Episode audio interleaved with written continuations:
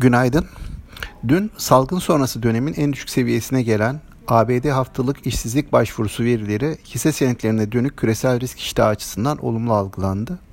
ABD endekslerinde yeni rekorlar gördük. BIST 100 ise dün günü 1485 seviyesine kadar çıktıktan sonra son bir saatte gelen satışlar nedeniyle daha sınırlı bir yükseliş ile tamamladı. Dün borsadaki iyimserliğin diğer faktörler yanında Ticaret Bakanlığı tarafından açıklanan güçlü dış ticaret verilerinden de olumlu etkilendiğini düşünüyoruz.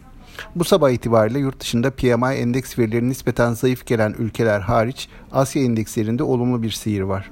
ABD tarafında ise önem taşıyan tarım dışı istihdam verisi öncesi endeks vadelileri hafif artıda seyrediyor.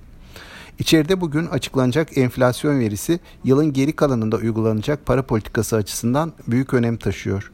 Yurt dışında olası düzeltmelerin sınırlı kalacağı ve TL'deki istikrarlı seyrin korunacağı varsayımıyla Eylül ayının borsa açısından olumlu geçmesini bekliyoruz. BIST'in haftanın son gününe de hafif alıcılı başlamasını bekliyoruz.